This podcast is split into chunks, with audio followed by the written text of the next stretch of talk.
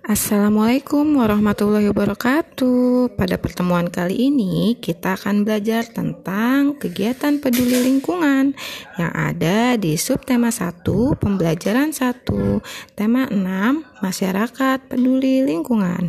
Sudah siap belajar bersama? Yuk kita mulai.